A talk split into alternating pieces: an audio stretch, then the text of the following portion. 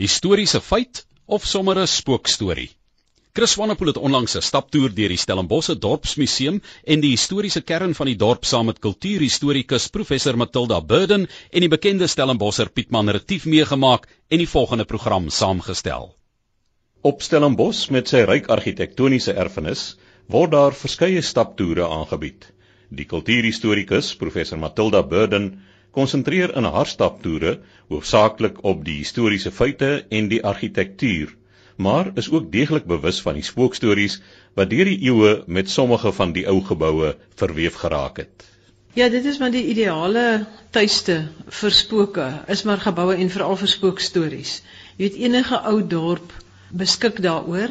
Op Stellenbosch het mens die interessante verskynsel dat daar baie verskillende soorte geboue is waar die spooke kan hou want afgesien van die dorpskern se ou historiese geboue het 'n mens ook die universiteit en daar's ook al die koshuise van die universiteite en daar's 'n hele paar koshuise waar daar ook spooke is. Die bekende Stellenbosser Pietman Retief is ook bekend vir sy historiese toere, maar anders as professor Burden verskaf dit hom groot plesier om die spookstories saam met die historiese feite te vertel. Kyk, daar's mense wat dit professioneel doen, wat dit deurlopend doen vir mense wat dit aanvra. Hierdie toere wat deur die museum gereël word is twee keer 'n jaar. Een daarvan is met die woordfees, maar dan kry jy daar groot belangstelling. Dat is 100 mense wat hier deur die strate stap. Met die strate wat dan afgeblokkeer word deur die verkeerspolisie en so. So ons kan lekker stap. Ons kry mense wat kersies aan die vensters aan die brand steek en so. En ons doen dit so in die aand dat dit donker word sodat daardie gevoel van ag spooke, jy weet, is eintlik meer kultuurhistories van aard. Maar mense stel belang in die spookstories. Die mooiheid van 'n spookstorie is 'n blye storie. Die mense kan hom ons nou maar vertel sonder om spesifieke datums aan te dui en so. En natuurlik met so 'n ou geboue kompleks soos wat ons hiermee sit, gaan jy stories kry. Gaan jy mense kry wat dinge gesien het of gedroom het of belewe het wat jou herinner daaraan dat daar so 'n bietjie van 'n geestelike daarbey is. As deel van die verskynsel volksvertelling is dit 'n uiters belangrike onderdeel van die nie-materiële kultuur van 'n bepaalde bevolkingsgroep of kultuurgroep. Jy weet mense kry die materiële kultuur soos geboue en meubels en dis meer en dan die nie-tasbare. Is die deel van 'n kultuur wat baie eie en tipies is wat 'n kultuur eintlik as sy eie identifiseer. Die belangrikste onderdeel daarvan is taal en dan binne taal kry mense nou al hierdie woordverskynsels, jy weet soos grappe en raaisels en liedjies, maar dan ook stories of vertellings. En dit is die groter konteks waar dit inpas en as 'n fenomeen van kultuur wat identiteit gee, is dit uiters belangrik, maar dan natuurlik ook as 'n vorm van vermaak. Dit is 'n aspek van ons kultuur wat baie baie sterker leef op die oomblik.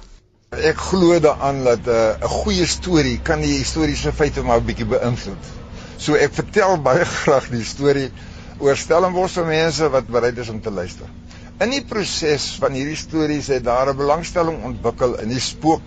Ag, dis pragtig hierdie stories. Dis dinge wat die heemkring van Stellenbosch natuurlik ook om belangstel om op te teken en te bewaar vir die nageslag. Ja, die mense glo vandag nog baie sterk in spooke, die spookverskynsels en dan vertel hulle graag die stories daar rondom. Daar's so baie bewyse daarvan van spooke wat oral oor die land oor beweeg waaraan mense werklik glo.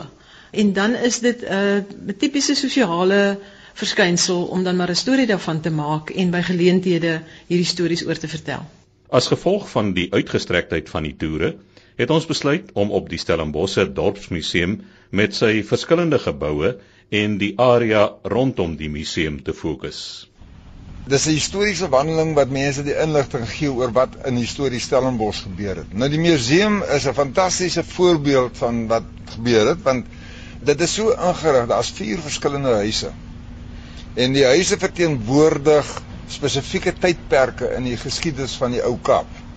Die eerste huis byvoorbeeld is Kreuderhuis wat uh, in 1709 gebou is en die vroeëre tydperk van die Hollanders verteenwoordig. So die meubelering, die kombuis is volgens die gebruiksgewoontes van daardie tyd ingerig.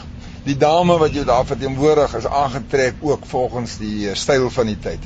Hy word eintlik beskryf as die oudste dorpshuis in Suid-Afrika. Daar is natuurlik nie vreeslik baie van daardie heel ou huis oor nie maar die bietjie wat daaroor is word beskou as die heel oudste in die land van 'n dorpshuis. Daar is enkele plaashuise wat wel ouer is. Hy dateer dan uit 1709 en dit is toe die stukkie grond gegee is aan Sebastian Schreder.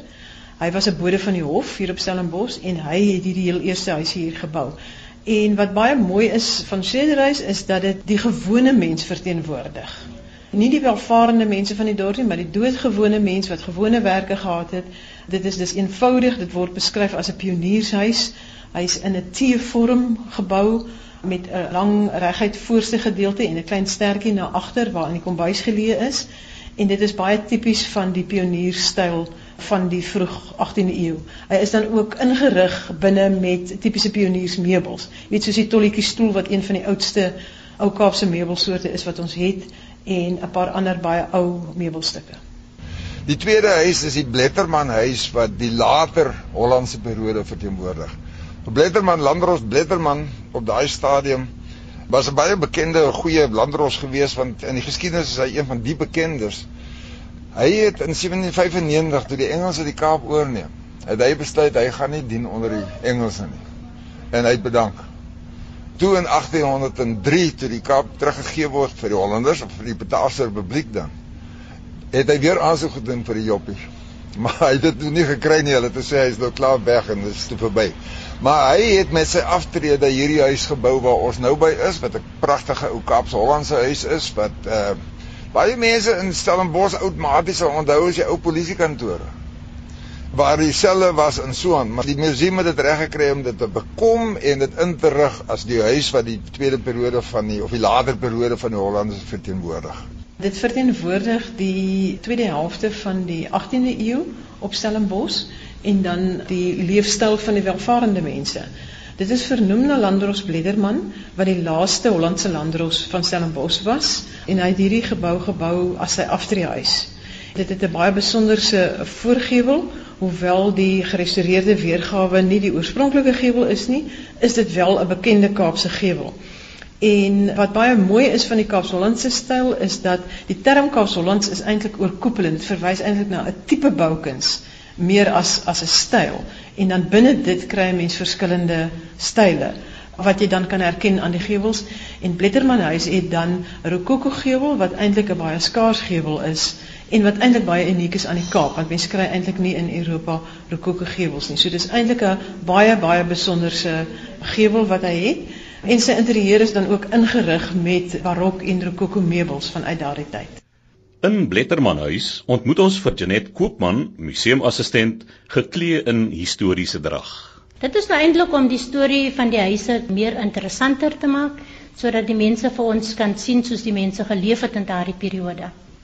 Jy het nou wel nie 'n spook hier gesien nie, maar jy het 'n besondere droom gehad wat jou laat wonder het. Ja, dit was so in die jaar 2004 het ek een nag gedroom.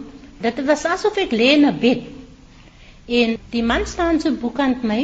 Hy het hoor as ek gestaan, maar afgekyk na my maar met 'n hy was vriendelik.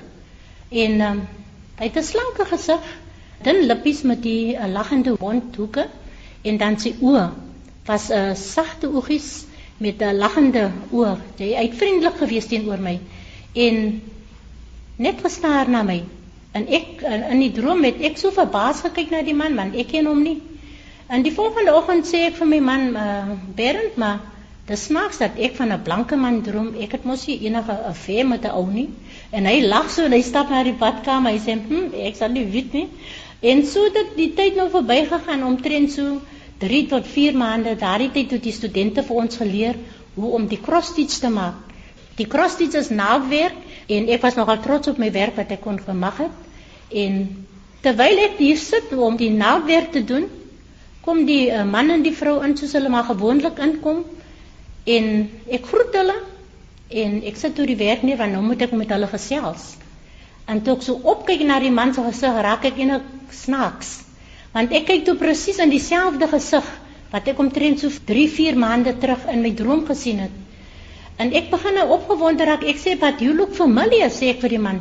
"I've seen you somewhere." En hy kyk vir my so, hy sê vir my, "Ah, maybe I come back in another life." En so sien na daardie kamer van die vrou. Dit was nou die kamer van meneer Bletterman se vrou. En hulle het bekyk die plek daar En toe hy nou uitgaan, toe waai hy vir my, maar ek staar die man agterna. Ek dink glo bedrieg my oom my of wat? Want ek sê vir myself, nee man, jy is nie koekoe hier bo in die kop nie. Dis wat jy gesien het in jou droom in. Maar ek het toe maar dit vir myself gehou want ek meen as ek nou vir iemand dit vertel, het sal hulle dink die vrou praat nonsens. En dan eendag nadat ek nou terwyl ek hier werk, kom ek daar uit die ruskamer uit en hier van die vrou se kamer af kom 'n man, maar sy hande so wyd verspreid en sy oë staar op die grond. En ek vra vir hom, "Sir, is there something wrong?" Hy sê vir my, "There's lots of toys lying around." En hy maak so met sy hande so oop. Hy sê, "There's lots of toys lying around." Ek sê toe vir hom, "The people of this house, they didn't have any children." Sê ek vir hom. En ek vra vir hom, "Is is it wooden toys?" Want by huis nommer 4 daarbo het ek gesien die houtspeelgoed. En hy sê vir my, "Yes, how do you know?" En hy kyk vir my so verbaas aan. En uh, hy kyk my so, hy sê vir my, "The spirit of this house and your soul clash." Slap hy so op sy hand, nicely together. Ek sê toe vir hom, "That's something," like ek vir hom. En soos die man weg. En 'n hele tyd daarna kom daar 'n vrou, sy lyk baie soos 'n Spanjaard. Ligte vel, donker hare, en sy sê presies dieselfde woorde vir my. Sy sê vir my ek pas in die spirit van die huis in en sy sê presies dieselfde woorde wat wat hy vir my gesê het. So mense weet nooit. Glo jy in spooke? Baie mense praat van spooke. Sommige mense wat hier kom kan soms goed sien wat ons nie kan persoonlik self sien nie met die oog nie. Soos hulle sê jy's met 'n helm gebore. ja, so baie mense het die gawe om te kan sien, maar ek kan nie sê dat ek glo daarin of ek nie daarin glo nie. Drie van die vier huise wat die verskillende periodes verteenwoordig is in hierdie blok wat tussen Reineveldstraat en Drosduistraat is. Die Drosduistraat is die een wat voor die Moederkerk verbyloop en dan Pleinstraat aan die noordelike kant en Kerkstraat aan die suidelike kant. So mens loop eintlik deur die tuine van hierdie huise wat ingerig is. Die tuine ook wat ingerig is volgens die styl van daardie spesifieke tyd. Elke huis se tuin lyk anders as die ander een se. Heeltemal korrek. Ja, jy sien nog hier kweperbome en sitrusbome wat die mense almal in hulle tuine gehad het, granaatbome en peerbome. Die mense gehad het wat hulle aangeglo het. So dit is so ingerig. Jy sien ook die groentes wat op daardie stadium reg is natuurlik om geplant te word of dan geoes te word en so. Die derde gebou wat deel vorm van die Dorpsmuseum kompleks is Grosvenor Huis. Grosvenor het dit nie reg van die begin af die naam gehad nie. Hy het dit eers heelwat later gekry. Hy is in 1781 gebou En daar bestaan op die oomblik tamelik verskil, daar's redelik debat oor die oorspronklike vorm van die huis. Sommige argeoloë beweer nou in die baie onlangse tyd soos in die afgelope dekade dat dit van die begin af as 'n dubbelverdieping neoklassieke huis gebou is. Ek verskil van opinie daarvan want ek dink hy's gebou as 'n Kaapse-Hollandse huis. Maar indien dit dan wel as 'n Kaapse-Hollandse huis gebou is, enkel verdieping met 'n gevel in 1781, dan is hy aan die begin van die 19de eeu omskep in 'n dubbelverdieping huis. Hy het vandag 'n regte neoklassieke voorkoms, nie regtig georgiaans soos hy ook soms beskryf word nie. Dit is 'n regte neoklassieke dubbelverdieping voorkoms met 'n geprofileerde kroonlys, 'n argitraaf, 'n klein driehoekige pedimentjie bo kan sy voordeur, 'n tandlysie, groot pilasters, dis alles kenmerke van die neoklassieke styl en hy is in die loop van die 19de eeu het hy baie verskillende eienaars gehad maar teen die einde van die 19de eeu rondom die 1880s het 'n man met die van van Collins dit gekoop. En dis hy wat toe eers die naam dis amper 100 jaar nadat hy gebou is die naam Grosvenor House daaraan gegee het. Dis nie doodseker presies waar dit vandaan kom nie. Daar word vermoed dat dit 'n dorpie in Engeland is of was maar daar is definitief nie verband met die skepswrak die Grosvenor nie want die het gestrand aan die Pondolandse kus. Is daar 'n aanduiding wie die huis laat bou het? Ja, in 1781 toe hy gebou is, is hy deur Netling gebou wat dan die grond bekom het en die heel eerste huis hier opgerig het. Ons sit nou hier op die stoep van Grosvenor huis en ons gesels met Stellen Daniels. Stellen, jy het 'n interessante storie wat jy kan vertel oor 'n gas wat hier was en 'n foto. Ag ja, die dametjie het teen 'n bank gestaan En toe wou sy nou 'n foto van haarself vat want daar is 'n groot spieël wat oor voor haar gestaan het. En toe staan sy met haar bene teen die bank om die foto van haar van vooraf te vat in die spieël. En toe het sy nou weggegaan, maar tweede daarna het sy teruggekom en vir ons kom wys Maar hoe is dit moontlik sy het teen die bank gestaan, maar dat daar iemand aan die agterkant van haar sit het op haar komputer gesit en toe sy nou teruggekom te sien sy maar daar staan iemand agter haar want dit is onmoontlik hoe die tweede persoon agter haar kon gestaan het. En die persoon wat agter haar sit is langer as sy. So ons kan nie verstaan hoekom die persoon daar gekom het nie en dit moet natuurlik 'n spook wees. Die persoon se klere drag, lyk dit anders? dit lyk anders ja. Al wat jy sien is meer skaduwee bo as die persoon wat die foto geneem het. En jy het 'n kopie van die foto. Ons het 'n kopie van die foto ja op die komputer. Enige ander spooke wat hier in Grosvenor huis was? Ek sien hulle nie, maar ek hoor goedjies. Alles ek so alleen sit per naweek en ek is hier onder, al hoor ek maar goedjies bo, maar ek is te bang om op te gaan. Ek bly maar liewer hier onder. Die vierde woning wat deel vorm van die Stellenbosse Dorpsmuseum is Berghuis. Berghuis is in 1787 gebou. So as 'n mens na die datums van die laaste 3 huise kyk, dan sal 'n mens sien hulle is almal in eintlik dieselfde dekade gebou aan die einde van die 18de eeu.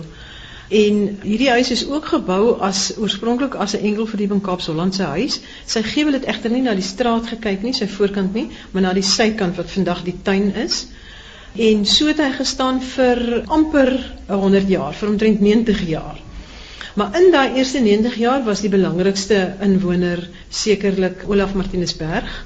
Hy was op daai stadium balie van die hof op Stellenbosch en hy het vir 'n hele paar dekades hier gebly en dis dan na hom wat die huis vernoem is. Maar in 1877 het professor John Murray wat toe nou by die Kweekskool was, een van die stigters van die teologiese seminarium, het die huis gekoop en hy het dit dan verander die Kaapse-Hollandse voorkoms heeltemal verander na 'n dubbelverdieping georgiaanse voorkoms sodat die voordeur vandag na die straat kyk en die hele voorkant, die vooraansig is aan die straat se kant met 'n dubbelverdieping, eenvoudige simmetriese georgiaanse voorkoms met 'n groot driehoekige pediment wat so 'n bietjie neoklassieke invloed toon. Die het hy dan nou aangebring in die 1870s. Die storie het eintlik so gegaan dat iemand of dit nou Oudolf Berg was en of dit een van die latere eienaars van die huis was. Kyk hierdie huis het trappe en daar's 'n balkonnetjie op die top van die trappe. En uh, daar was blykbaar 'n stryery, miskien was die huwelik nie baie gelukkig nie of wat ek nou al gebeur het, sal mense nou nie weet nie, maar mevrou huiseienaar het bo van die balkonnetjie afgeval. En blykbaar is sy nog redelik aktief. Die mense, die personeel hier verwys na die Blue Lady want sy het 'n blou rok aan en sy het nie bene nie, sy sweef hier rond. En van tyd tot tyd hoor hulle van haar of hulle haar sien, is nou 'n ander saak. Ek het haar persoonlik nog nooit gesien nie. Blue Lady soos ek gestaan het, die eienaar van die huis was haar man mos. Die stem van Stoffel Sampson, museumassistent in Berghuis op Stellenbosch. En hy was glo baie aggressiewe man. Want hy het die hele dag daar in sy lesenaar gesit en enige iets wat sy wil gedoen hê, wat sy wil aankoop of koek of wat sy wil aanvang, dan moet sy na hom toe kom en met hom te diskus. En dan gee hy die goedkeuring en as die kinders ook stout gewees het, dan moet hulle na hom toe gekom en daar onder in die kantoor. So die storie geloop het dat daar's 'n moontlikheid sê hulle dat hy waar die trap af gestoot het. Is sy dood in die huis? Sy is dood in die huis. En baie mense, so studente wat hier kom het al foto's gevat. En dan een of twee van die studente se foto's wys dat daar staan 'n vrou wat al in die liggaam sonder bene met die blou rok aan. Dan die ander nou weer op pad as daar niks aan is. En span weer na hulle kom dan is dit maar net weer so. Ek het wel die persoonlike ondervinding gehad dat ek eendag met 'n buitelandse paar man en vrou hier by die trappe opgestap het. En uh so halfpad met die trappe op het die vrou my in my arm gevat en gesê sy gaan terug. En die man toe weet maar hoekom. Toe wys sy dat die haartjies op haar arm staan kiertjies regop. En sy het later vir ons verduidelik dat sy hier 'n vreemde aanvoeling gehad het dat hier iets is wat nou nie vir haar gepas het nie, dat sy liewerste nou maar. So ek het nou daai persoonlike ondervinding gehad Ja, ek het al die agter in die wagkamer gesit al en dan hoor ek die stap mense die trappe op en dan moet ek onmiddellik hardloop om te gaan kyk of hulle kaartjies het. Dan skrik ek agterna. Hallo, is julle kaartjies? Dan sê ek op hoekom dat daar niemand is. En ek skaars in die kamer, dan slaat die diere so maar agter my toe. Baie van die diere het 'n swaar gewig, maar dit keer niks nie. Hy maak die dier toe met gewig en al. Wat dink jy is dit? Nee, baie kere dan voel ek die is mense in die huis aan sê ek wel moenie bekommerd wees alles is in orde. En dan hoor ek as laat die deur toe en ek het my dan gat uit. Dat wil meer gevoel kry wil net kom kyk altyd op alles reg is in die huis. Jy het nog net gehoor dat hier mense loop, jy het nog niks gesien nie. Ek het so naaste wat ek gedink het is wat ek aangevoel het. Dit is amper soos iemand wat aan my vat. Dat ek gevoel het dat hier is nou iemand hier by my. Dan voel ek dis nou tyd om te praat nou. Want uh, as jy hy gevoel kry dan in die salin, dan moet jy ten minste iets doen. Word jy bang? Ek kry so 'n halwe bang gevoel, maar later aan 'n gewoonte geraak, dan voel ek niks meer nie. Dan uh, sit ek net daarvoor en uh, as ek hier afkyk in die gang, dan praat ek af hoe ek hulle kan sien. Want die kinders kan ek hulle gesien het. En een uh, dag was hier van Suid-Amerika se mense. En die vrou het nog nooit in die huis nie. En sy persoonlik haar familie vertel wat hier op die trappe aangegaan het. En toe sy by my kom, toe sê sy ek moet wel die storie vertel, toe vertel ek hulle het dieselfde storie van so 'n brakgevoel wat jy op die trappe kry van uh, moord en dinges. Miskien is dit so dat dat die spooke dan party mense meer aantrek as vir ander. Jouself het jy enige ongemaklikheid gevoel? Geen nog nooit van enige aard in Stellenbosch of enige van Stellenbosch se strate nie. Miskien kan ek terwyl ek besig is net die buitekant is Kerkstraat. En uh jy weet die ou die eerste kerkie was so 'n bietjie laer af in Kerkstraat gewees en rondom die kerkie daar 'n begrafplaas natuurlik ontwikkel. Ons praat nou hier van die laat 1600s.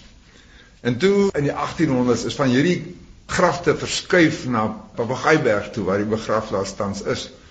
En uh daar het nou 'n hele paar stories ontwikkel soos wat die ouens vertel het. Nou die een storie wat nou vir my geïnteresseer het is Juffrou Vore. Juffrou Vore was die hoofmeisie gewees van Bloemhof laat 1800s. En sy en 'n vriendin het die straat een aand opgestap gekom terwyl hierdie verskywing van die grafte nou plaasgevind het. En daar het hulle 'n kopbeen gesien lê in die straat. Net hier buitekant hierdie venster. En uh soos die storie gaan het, het juffrou voor toe afgehak en die kopbeen is kop gegee. Nou die kopbeen is 'n aardige kopbeen want hy volgens die storie rooi hare gehad. Maar toe sy die kopbeen skop Die volgende oomblik hier uit die donkerte uitkom daar 'n klap wat uh, vir juffrou Vore agteroor laat val. En uh, sy het die vier vingers na hierdie klap het sy gehou blykbaar tot uiteindelik tot haar dood toe. Kyk in die dorpskern is daar al hierdie ou geboue met spooke wat dateer uit die 18de eeu en uit die 19de eeu gekoppel aan karakters, jy weet wat toe op die dorp was. Een van die bekendstes dink ek is die van Landros Daniel van Reyneveld wat iets gedoen het met die bewoners van die dorp waarmee hulle glad nie gelukkig was nie, naamlik dat hy het 'n bevel uitgevaardig dat grafte opgegrawe word en verskuif word. En die inwoners van die dorp was glad nie gelukkig daarmee en dit het hom baie ongewild gemaak. En toe hy uiteindelik oorlede is, het hulle gesê dat hy nie tot rus kon kom nie, weet omdat die dorpsbewoners glad nie van hom gehou het nie en hy het nog rondgedwaal en dan veral op sy perd. En as 'n mens nou op 'n maandag nag natuurlik by die moederkerk verbystap, dan sal 'n mens partykeer sien hoe hy met sy perd aankom en dan spring hy oor die ringmuur van die kerk met die perd en dan verdwyn hy. Nou ons staan nou hier voor 'n gebou op die hoek van Dorpstraat en uh Andringastraat. Wat hier gebeur, jy kan nou sien die twee vensters verskil. Die een venster is 'n skuiperraamvenster en die ander venster is 'n swaai venster. Die storie gaan dat die eerste predikant van Stellenbosch was 'n dominee van Loon, dominee Hercules van Loon. Hy het 'n plaasie gehad daar aan die ander kant op die pad Maaspreek toe aan die ander kant die N1. Daar's 'n bordjie wat sê die Hercules Pilaar pad. En dit is daar in daardie omgewing. Ja, dit was maar daai jare min meisies gewees in die Kaap en wat hulle van tyd tot tyd gedoen het is om Duitse opweesmeisies in te bring van Europa af. En Dominee van Loon het toe 'n verhouding gehad en later is hy getroud met een van hierdie Duitse meisies. Nou Adam Tas vertel vir ons, jy weet, nou Adam Tas was nou 'n lekker ou skinderbek geweest want hy het sy dagboek het redelik getrou geskryf. Ons weet wie hier in Stellenbosch van daai jare oor die tou getrap het, ondeend was of dronk geword het of wat ook al. Hy het, hy het geskinder oor almal. En onder andere het hy geskinder oor hierdie huwelik wat blykbaar baie onstuimige huwelik was. Want hierdie meisietjie wat Dominee van Loon mee getroud was, was en ek wil nou nie arontasse taal gebruik nie, maar dit is nou nie baie komplementêr geweest nie. Sy was van losse seders. En So die huwelik was nie baie gelukkig geweest nie. Nou gaan die storie dat ou Dominee van Loon een aand teruggery gekom met 'n perd van sy plaas af. En hy het in hierdie tyd sy lewe geneem deur 'n briewe messie te vat en sy keel af te sny. So dis nou 'n baie tragiese storie. Mevrou van Loon het toe 'n uh, begrafnisondernemers besigheid begin waar sy natuurlik lyke hanteer het. En sy het toe 'n uh, verhouding opgetel met dokter Jan Kats wat 'n redelike bekende persoonlikheid was in Stellenbosch van daai tyd. Hy was 'n mediese uh, beampte. Nou sy spreekkamer was net hier ook aan die pad gewees in daardie gebou wat ons nou voor ons sien. En uh, die storie gaan nou dat as hy nou 'n gips gehad het met sy pasiënt en die pasiënt is oorlede, dan is die lijk nou in die middel van die nag nou oorgedra na mevrou van Loon se begrafnisondernemers besigheid. Nou, soos ek sê, jy weet, daar's twee vensters. Nou die een venster is 'n skyfraak venster, maar die maak 'n vreeslike geraas as hy op en af geskei word. En die ander venster is 'n mooi swaaideur venster. So die lyke is deur die swaaideur venster ingedra en, en waar sy nou gedoen het wat sy nou moet doen as 'n begrafnisondernemer. Nou wat ons nou vandag ondervind hier en dit sê die eienares van die boekwinkel vir ons is dat daar is baie gereeld in die nagte na sy toegesluit het boeke wat op die grond val. Daar was op 'n stadium 'n boekie gewees van Nelson Mandela, een van die baie boeke wat oor hom geskryf is wat uh, blykbaar tamelik gereeld op die grond geval het. In die Verbatim boekwinkel wat vandag uit mevrou van Loon se voormalige begrafnisonderneming bedryf word, is Nita Verhoef tans werksaam. Dis reg, ja, ek werk hier in die boekwinkel en net so kort beskrywing te gee van ehm um, wat nou gebeur hier is soms dit's nie noodwendig in die aand nie, in die aand is ek nou nie hier nie, maar dit het al gebeur terwyl ek hier was dat boeke sommer net van die rakke afval as daar nou nie 'n briesie waai of so nie en dan kry mens nogal 'n skrik en jy wonder nou van waar af kom die gevallery van die boeke en dis nou maklik om te verklaar dat boeke wat regop staan in 'n rak uitval weens wat ook al maar dit het al gebeur dat 'n boek wat plat lê op 'n tafel sonder enige rede van die tafel afval wat 'n bietjie van 'n groter gebeurtenis is, sou ek sê is net 'n regopstaande boek wat uit 'n rak uitval. En dit het ek al gesien, ja. Dit weet ek nou nie of dit 'n uh, spokery is nie, kan wees, maar hier is vreemde dinge wat soms gebeur, die boekrak se kas sal oopwaai of sulke tipe goed. En dan dink 'n mens maar net oor die geskiedenis van die gebou en wat moontlik nou nog oorbly van dit wat hier in en uit gegaan het. Is daar nie stories van mense wat hier verby geloop het in die aand en deur die venster gekyk het en goed sien beweeg het nie? Dis moontlik. Ek het nog nie so 'n storie gehoor nie. Dit kan nou 'n weerkaatsing wees of dit kan wees dat iets binne beweeg. Hier is gewoonlik 'n lig wat brand deur die aand, maar ek het nog nie iets gesien fisies nie. Ek het nog net die boeke gesien wat val en kassere wat oop en toe klap en dan wonder mense nou wat dit kan wees. Ek het nou persoonlik buitelanders mee te doen gekry wat vir my gesê het so hulle nou maar in die aande op hulle eie van 'n restaurant af of, of wat ook al dalk staan op 'n afstand maar loer hulle nou deur die venster. En uh, dan sê hulle dan sien hulle boeke beweeg in die lug rond. Dit was baie baie vreemd geweest maar dit is die storie wat buitelanders ondervind het. So die lyke wat mevrou van Loon hanteer het in haar begrafnisondernemingsbesigheid is nog besig om geselsrig te raak hier in die straat. Kry jy nie soms hoendervleis of 'n koue rilling? Mens kry so 'n rilling ja, as jy voel iets kyk na jou of daar's iets anders in die kamer, 'n ander aanwesigheid. Maar ek probeer om dit met 'n goeie gemoed te aanvaar en te ervaar. So ek glo as jy wat ook al se teenwoordigheid dit kan wees met 'n goeie gemoed beskou, dan dan sal hulle jou nie kwaad aandoen nie. Wat is die rede waarom hierdie stories ontstaan? Ek dink die rede hoekom spookstories ontstaan is eintlik tweeledig. Aan die een kant wil mense baie keer hê dat gestorwenes terugkeer. Dis 'n soort van 'n verlange, dis baie keer in die onderbewussyn. Dan sien hulle dinge raak wat miskien vir hulle onverklaarbaar is en wat hulle dan beleef as dat hierdie mense terugkeer. Nou dit word nie altyd noodwendig 'n storie nie, 'n spookstorie nie, daardie kant van die saak nie. Maar dan is daar die ander kant waar mense sonder dat daar noodwendig iemand naby aan hulle oorlede is, dinge beleef wat vir hulle onverklaarbaar is, wat bonatuurlik is. Ek dink daar's geen twyfel daaroor dat ons elke dag sulke goed beleef nie. En juis omdat dit nie verklaar kan word nie, omdat dit nie binne ons verstand se vermoë is om dit te verklaar nie, begin daar dan 'n storie daar rondom ontstaan. Partykeer word dit dan gekoppel aan 'n spesifieke persoon se dood. Partykeer is dit selfs 'n dier se dood. Mens kry natuurlik ons nou dierspoke ook en dan word daar 'n storie rondom dit vertel. Mens kry goed soos ligverskynsels, ligte is is baie gewilde tipe spooke. Partykeer is daar 'n wetenskaplike verklaring daarvoor, ander kere glad nie. Maar dan vertel mense maar 'n storie daaroor. Jy weet, dit is maar hoe dit ontstaan en dit is mos nou lekker om so iets oor te vertel want dit is iets vreemds, dis baie keer 'n unieke soort ervaring, dis iets waarmee mense kan spog. Maar dan is dit natuurlik ook iets wat mense bang maak, juis omdat dit so onverklaarbaar is. En dit koppel natuurlik weer iets misterieus daaraan wat dit ook lekker maak om dit oor te vertel. So ek dink dit is maar waar spookstories sê dit vroegste tye van die mensdom af maar vandaan kom. Die deelnemers aan hierdie program oor historiese feite en spookstories was professor Matilda Burden, Pietman Retief, Janet Koopman, Stoffel Sampson, Stellan Daniels en Nita Verhoef. Die samesteller is Chris Swanepoel.